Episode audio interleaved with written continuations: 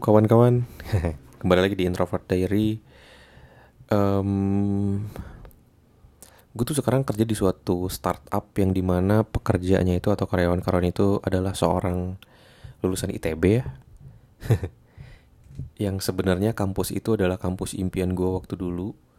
Kenapa gue nggak masuk? Karena ya nilai gue jelek. Terus gue juga lulusan STM, di mana matematika gue jelek banget. Jadi um, ITB itu adalah impian gue banget waktu dulu tuh. Dan sekarang gue kerja di suatu perusahaan yang ternyata karyawannya itu banyak orang ITB waktu awal-awalnya minder sih karena gue hanya lulusan kampus yang akreditasinya itu nggak nyampe A gitu. Mungkin B mungkin C kali ya. Akreditasinya itu jelek banget gitu.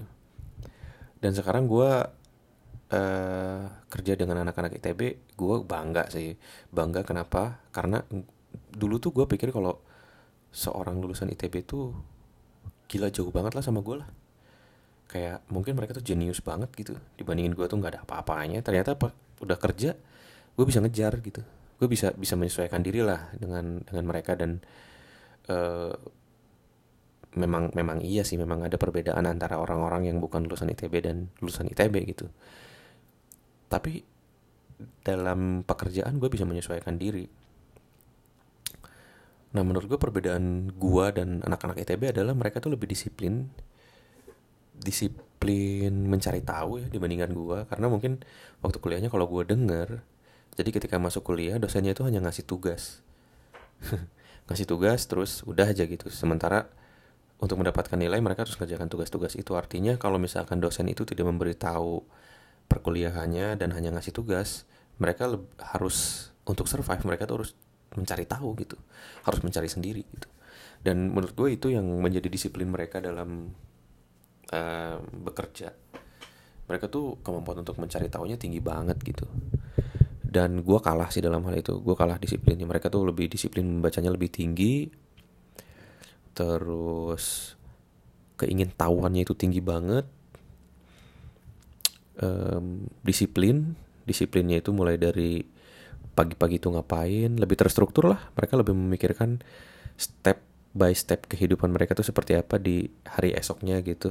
Sementara gue ya ya sembarang aja nggak tahu besok mau ngapain. Yang gue tahu gue punya jadwal sendiri kalau misalkan sabtu minggu ngapain kalau hari biasa ngapain. Bahkan kerja pun gue malah berpikir kalau uh, kalau ada tugas ya kerjain kalau nggak ada ya nggak gitu kalau mereka tuh kalau misalkan nggak ada tugas ya mereka cari tahu apa yang kira-kira yang bisa membuat perusahaan menjadi lebih baik gitu. Kalau aku tuh nggak nyampe nggak nyampe level itu sih, mungkin karena mental juga ya. Dan gue pikir selama kedisiplinan mereka melebihi kedisiplinan gue, mereka akan terus berjalan di depan gue gitu. Akan sulit mengejar mereka, memang sulit sih menyemai anak-anak ITB ini dan buat orang yang mengandalkan uh, pengalaman saja seperti gua ini gua akan selalu berjalan di belakang mereka gitu. Dan gua nggak masalah sih karena uh, eh, gue punya kehidupan gue tuh lebih menghargai ke kehidupan pribadi ya dibandingkan pekerjaan. Gue nggak paling nggak suka kerja di luar jam kerja gitu. Dan gue paling nggak mau kerja yang efeknya itu akan selalu kepikiran sampai weekend sampai liburan pun kepikiran kerjaan gue apa gitu gue nggak nyampe segitunya sih kecuali kalau gue passion di kerjaan itu ya. Uh, sementara di sebagai engineer ini nih gue bukan bukan passion gue tapi karena gue pengen bertahan hidup aja gitu. Oleh karena itu gue banyak kegiatan lain lah di hari-hari selain kerja sementara mereka tuh fokus gitu. Fokus memberikan 100% untuk mungkin 150% untuk company mereka dan dan apa yang mereka pelajari gitu dan eh, apa? Kemampuan mencari tahu ini membuat mereka berkembang lebih jauh daripada gua gitu. Ditambah lagi mereka tuh sepertinya mereka berjiwa kompetisi sih. Jadi ketika ada orang lain yang lebih hebat dari dia maka dia akan uh, meningkatkan kedisiplinannya itu dua kali lipat dibandingkan orang tersebut gitu. Gila sih. Kedisiplinan yang diciptakan oleh kampus tersebut karena memang mungkin apa ya ya salah satu institut terbaik dunia lah. Udah level dunia gitu. Dan itu juga yang membuat orang-orang terutama klien-klien uh, company gua ya tempat gua kerja gitu di mana mereka tuh ketika gua kunjungan ke tempat mereka mereka tuh nanya lulusan mana? Lulusan mana lulusan ITB kata mereka lulusan ITB oh pantas oh pantas gitu. Padahal sebenarnya gue percaya sebenarnya kecerdasan orang tuh beda-beda ya. Mungkin yang masuk ITB juga nggak semuanya pintar gitu. Tapi karena kemampuan untuk survive uh, membuat mereka lebih memaksa diri untuk menjadi lebih disiplin gitu mencari tahu segala macam mencari itu tuh tidak bisa dianggap remeh loh. Itu tuh bisa membuat lu menjadi seorang survival yang jago banget lah. Keingin tahuan itu. Walaupun memang uh, kalau jalurnya salah itu akan sangat berbahaya gitu. Tapi di hidup ini tuh semakin lu mencari tahu tentang suatu hal semakin kuat kuat lah diri lu sendiri ini juga yang ingin gue bicarakan di podcast episode ini yaitu tentang uh, pencarian apa ya? Pencarian untuk hal-hal yang mungkin di ranah lu tuh kontroversial. Ini berawal dari pertemuan gue dengan teman cewek gue teman kantor gue kita tuh sempat makan bareng berdua. Um, terus makan ya. Dan sebelum makan tuh kita berdoa kan. Nah kalau gue tuh berdoanya simple Di agama gue berdoa tuh cuma baca Allahumma barikana fima razaqna wa qina benar Yang intinya itu adalah jauhkanlah makanannya dari api neraka gitu ya. Sementara dia agamanya katolik Dia itu mengepalkan tangan Memejamkan mata lalu menundukkan wajahnya. Dan dalam jangka waktu Mungkin sekitar 30 detik kan nyampe kayaknya 30 detik sampai 40 detik lah. Cukup lama ya dibandingkan berdoa gue yang Allah mau berikan nafi merzakna kena benar itu cuma berapa detik? Cuma 5 detik kali. Dan gue nanya sama dia kok kamu berdoanya lama gitu sih? Kan mau makan doang. Terus dia jawab e, kalau aku berdoanya beda kata dia tuh. Aku tuh berdoa cuman bukan cuman pengen makan tapi aku mendoakan untuk hari esok yang lebih baik untuk teman-teman yang lagi sakit banyak hal lah yang dia doain dan doanya itu beda-beda katanya. Nah dari situ gue melihat kalau ternyata seseorang tuh bisa sedekat itu dengan Tuhan ya. Padahal mau makan doang loh gitu. Walaupun mungkin dia ibadahnya, kalau gue kan ibadah kan setiap hari ibadah gitu. Lima waktu, lima waktu. Sementara dia ibadah, ibadahnya itu setiap hari minggu aja masuk gereja gitu. Tapi dia terlihat lebih dekat aja dengan Tuhannya dibandingkan gue walaupun memang uh, dalam agama gue tuh ketika kita berdoa artinya kita sudah uh, menjamin kalau apa yang kita lakukan itu adalah baik gitu adalah suatu kebaikan. Walaupun arti dari doa itu kita nggak tahu. Cuman doa itu menjadi shield aja gitu menjadi suatu isyarat bagi tubuh kita. Untuk memfilter apa yang kita lakukan itu adalah suatu kebaikan. Ya lebih praktis sih ya cuman gue melihat uh, sisi emosional gitu. Itu ter, terlihat lebih ke apa ya lebih ke deket aja gitu dengan Tuhannya dia. Dan ini dari obrolan ini dari berawal dari obrolan tentang doa ini gue ngobrol banyak hal dengan dia. Di mana dia ngomongin tentang agamanya dia sementara gue ngomongin tentang agama gue gitu. Dan itu mm, mem dan dari obrolan kita yang agama kita berbeda, kita memiliki satu kesamaan, yaitu kita itu sama-sama beribadah untuk lebih dekat dengan Tuhan, bukan karena ingin pengen masuk surga atau takut neraka gitu. Nah, kita bahas ini dulu ya, takut akan neraka dan ingin masuk surga ini. Dulu kan ada lagu nih dari Ariel dan almarhum Krisya yang liriknya itu jika surga dan neraka tak pernah ada, masihkah kita bersujud kepada dia? Gitu. Kurang lebih seperti itulah ya. Nah jawaban dari pertanyaan lirik lagu ini dari lirik lagu ini sudah pernah gue dapatkan dari seorang ustadz dan gue setuju dengan dengan pembahasan dia gitu. Uh, jadi Ustadz itu bilang ya kurang lebih seperti ini ya ini nggak nggak nggak nggak gue belokan atau gimana gitu. Dan gue setuju dengan statementnya dia ketika kita beriman kepada Tuhan maka kita harusnya memiliki di agama kita di agama gue khususnya ada yang namanya rukun iman iman kepada Allah iman kepada kitab suci iman kepada para malaikat dan banyak lagi yang jelas surga dan neraka itu termasuk di dalamnya gitu jadi kalau misalkan jika surga dan neraka tidak pernah ada, apakah kita masih bersujud padanya? Itu tidak mungkin sih menurut gue karena surga dan neraka itu masuk ke rukun iman. Jadi kalau seandainya kita mengimani Tuhan saja tanpa meng, tanpa berharapkan masuk surga atau takut neraka, maka keimanan kita tidak lengkap gitu. Jadi tidak masalah kita sholat untuk masuk surga berbuat baik karena ingin masuk surga tidak masalah karena itu bagian dari keimanan. Jadi jawabannya ya itu kalau berarti kan lagu itu ngasih tahu kalau lebih baik kita beribadah itu hanya ingin hanya murni ingin beribadah kepada Tuhan saja gitu kan. Nah sebenarnya kalau kita dari penjelasan Ustadz tersebut dan gue setuju ya, kalau kita hanya beribadah kepada Tuhan saja, tujuannya itu hanya untuk Tuhan saja, maka keimanan kita tidak lengkap. Karena im mengimani surga dan neraka pun itu termasuk dari rukun iman gitu.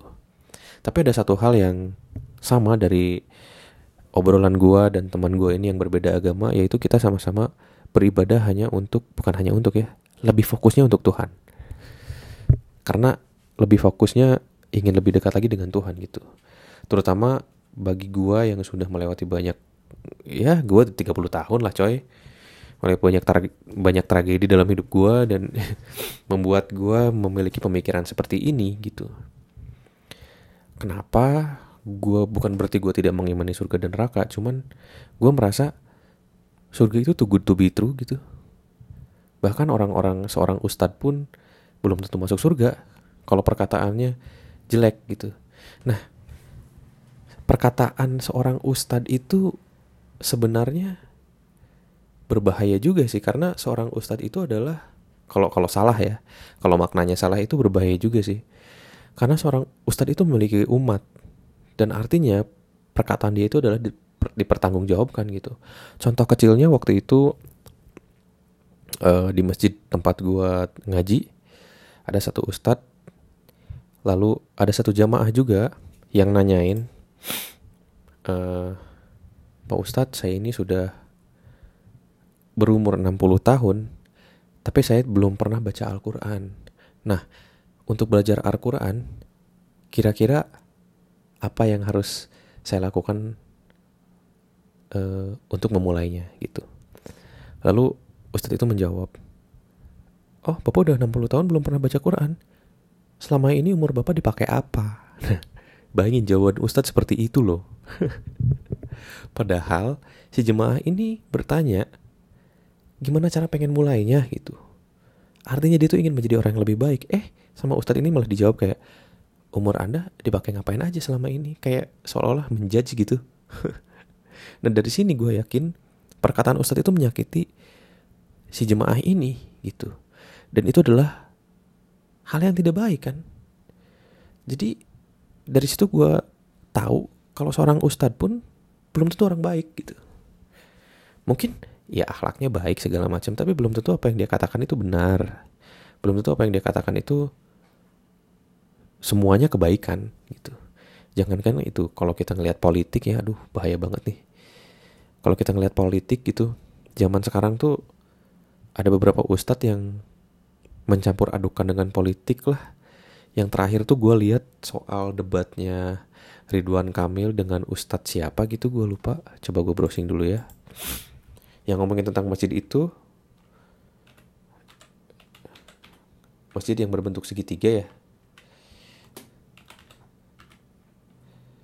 debat dengan Ustadz. Ustadz Baikuni. Iya ya, Ustadz Baikuni kali ya? Iya betul. Nah di situ tuh gue gue menonton sendiri gitu. Masih ada YouTube-nya juga ini satu jam satu jam 42 menit. Uh, di sana tuh gue mendengar penjelasan-penjelasan ustadznya itu malah terdengar lebih provokatif dibandingkan penjelasan yang dipaparkan oleh Ridwan Kamil yang lebih logikal gitu.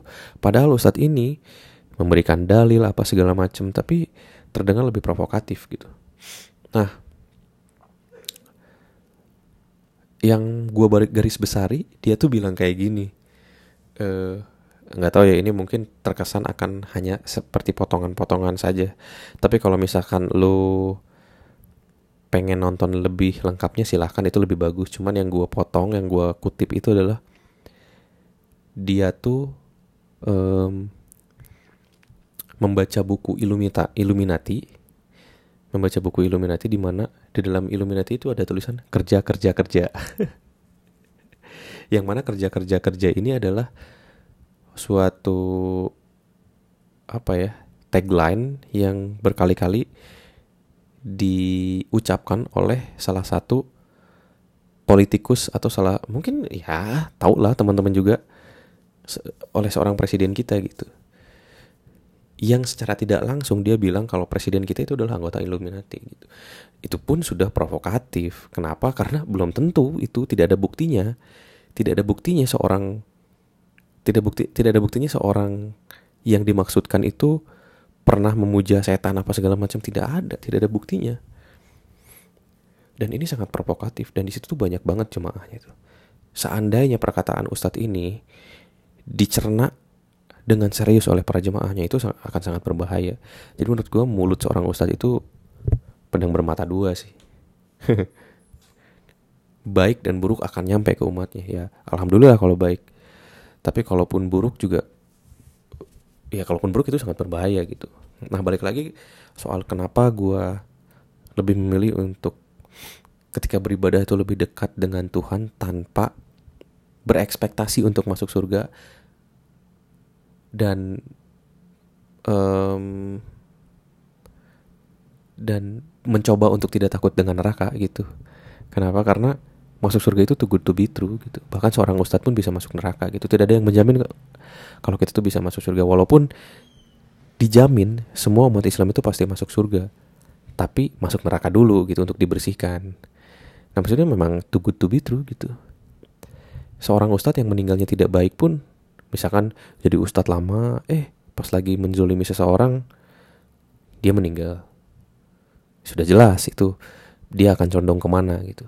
Tapi ada suatu cerita juga yang terkenal di agama gua di mana ada seorang pelacur yang pulang dari kerja lalu dia ngasih makan anjing lalu dia ketabrak dia malah mungkin dia akan masuk surga gitu. Malah kemungkinan besar dia akan masuk surga gitu jadi itu sangat abstrak ya teman-teman. Jadi gue merasa daripada gue berekspektasi itu sebenarnya mematikan ekspektasi aja sih. Uh, apa melewati ekspektasi aja. Jadi gue lebih memilih untuk lebih dekat dengan Tuhan aja lebih tulus aja gitu. Karena itu gue merasa nyaman. Itu kesamaan antara gue dengan dia gitu. Nah balik lagi nih ngomongin uh, uh, sebenarnya gue pengen ngomongin cikal bakal terorisme aja sih.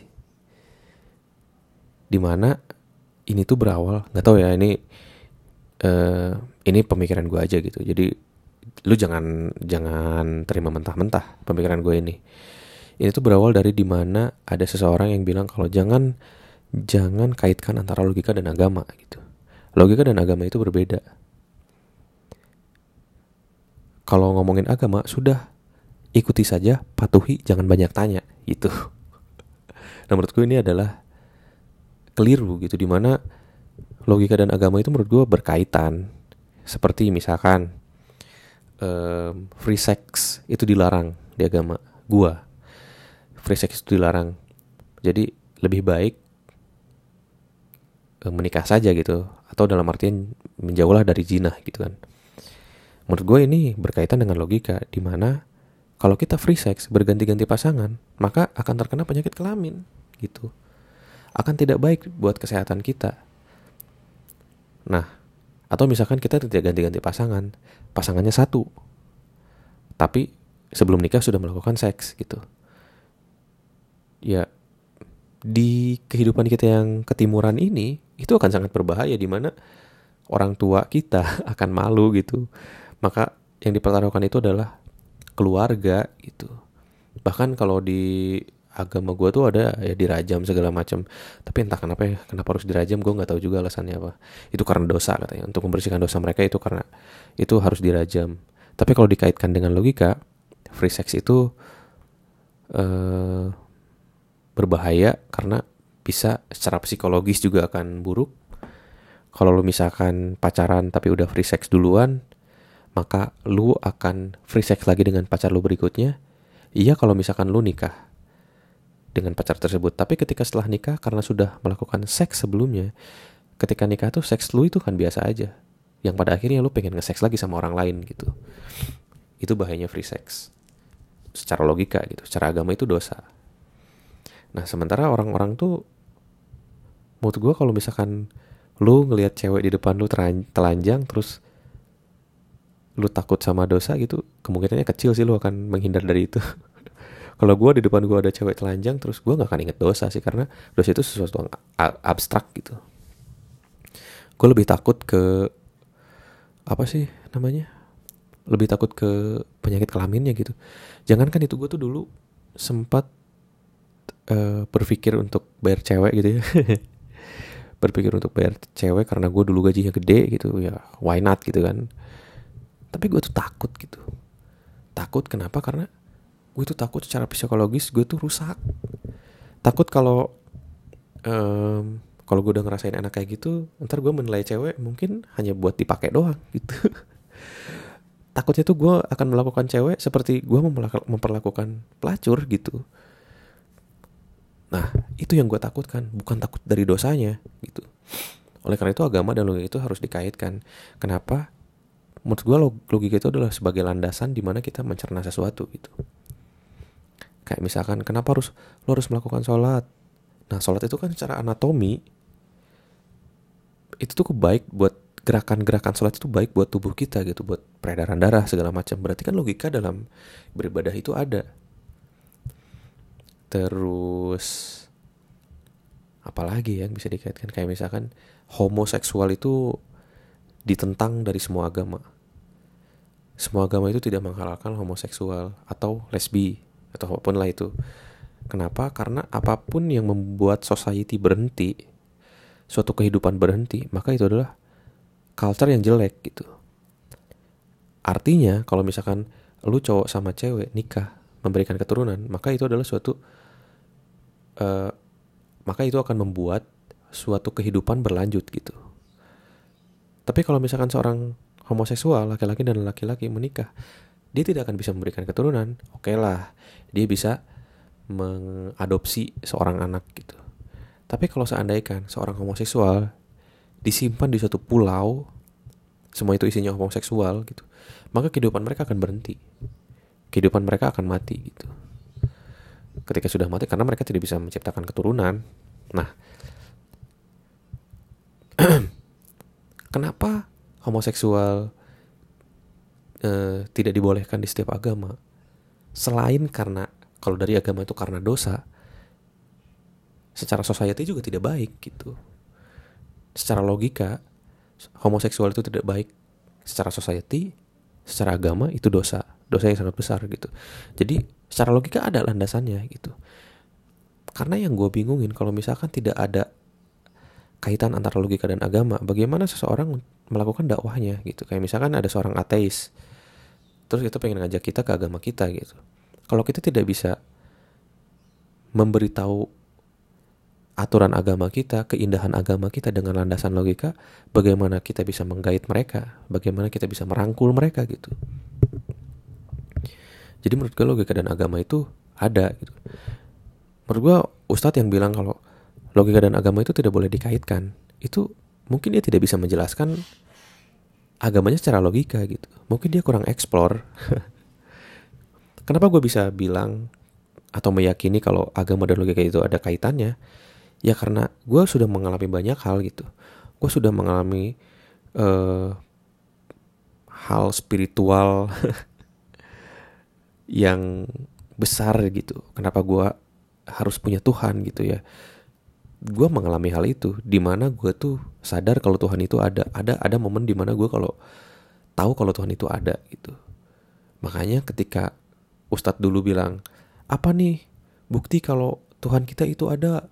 Buktinya itu adalah adanya pepohonan adanya gunung adanya dunia itu adalah bukti kalau Tuhan itu ada. Gue bingung gitu apa gitu? Ini jawaban macam apa?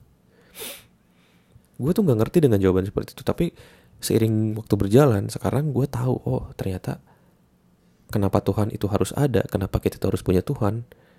Oh karena hal itu gitu.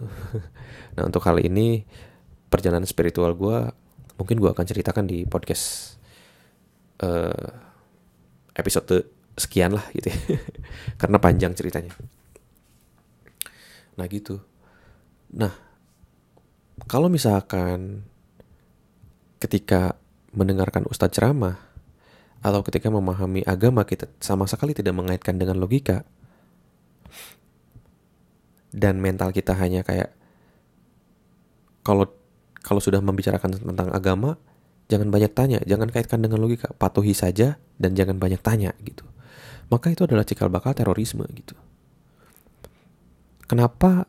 Gue tau sih. Gue gue se, se se se ekstrim apa pencucian otak yang diberikan kepada orang-orang yang mau melakukan bom bunuh diri ini gue yakin ini pendekatannya dari pendekatan agama sih. Mungkin karena mental jangan pernah mengaitkan logika dan agama jangan banyak tanya lakukan saja. Pada akhirnya ada seorang influencer atau seorang entah ustadz atau seorang habib seorang apa gitu yang mentalnya itu mental syaiton, mental teroris, bilang sama dia kalau mereka tuh orang-orang kafir, harus dibasmi. Percaya sama saya, kalian akan husnul khotimah, meninggal dalam keadaan baik, maka kalian akan masuk surga. Dengan lalu dengan mental, oh kalau udah dihubungkan dengan agama, tidak usah dihubungkan dengan logika, patuhi saja dan jangan banyak tanya. Oke, okay, walaupun itu membahayakan nyawa mereka gitu karena iming-iming husnul khotimah itu ya gue nggak tahu sih. Ya tapi gue yakin dengan mental tidak mengkaitkan logika dan agama patuhi saja jangan banyak tanya gitu. Itu menjadi landasan di mana orang tuh mudah melakukan hal-hal ekstrim yang dilandasi dengan embel-embel agama gitu. Jadi keep real lah tetap manusiawi lah. Ya, di agama kita kan disebutkan ada ablum minanas ablum minallah gitu. Keduanya harus seimbang gitu. Bukan berarti ketika kita memahami suatu agama dan taat pada agama tersebut kita menaati sepenuhnya tanpa pikir panjang gitu. Kita menelan mentah-mentah orang yang menurut kita ilmunya lebih tinggi dari kita gitu serem juga sih. Tapi menurut gue kalau misalkan lu seorang yang masih mencari tetaplah mencari karena di agama itu memang dianjurkan untuk mencari. Oleh karena itu carilah sejauh-jauhnya. Jangan lupa untuk rasional untuk manusiawi gitu. Cari tahu juga apa logika yang berkaitan dengan uh, aturan agama tersebut. Gue yakin ada sih cari tahu saja. Menurut gue ada sih pasti sih. Ya udah deh gitu aja ya. Thanks buat yang sudah mendengarkan podcast gue sampai episode ini dan sampai bertemu lagi di episode berikutnya. Bye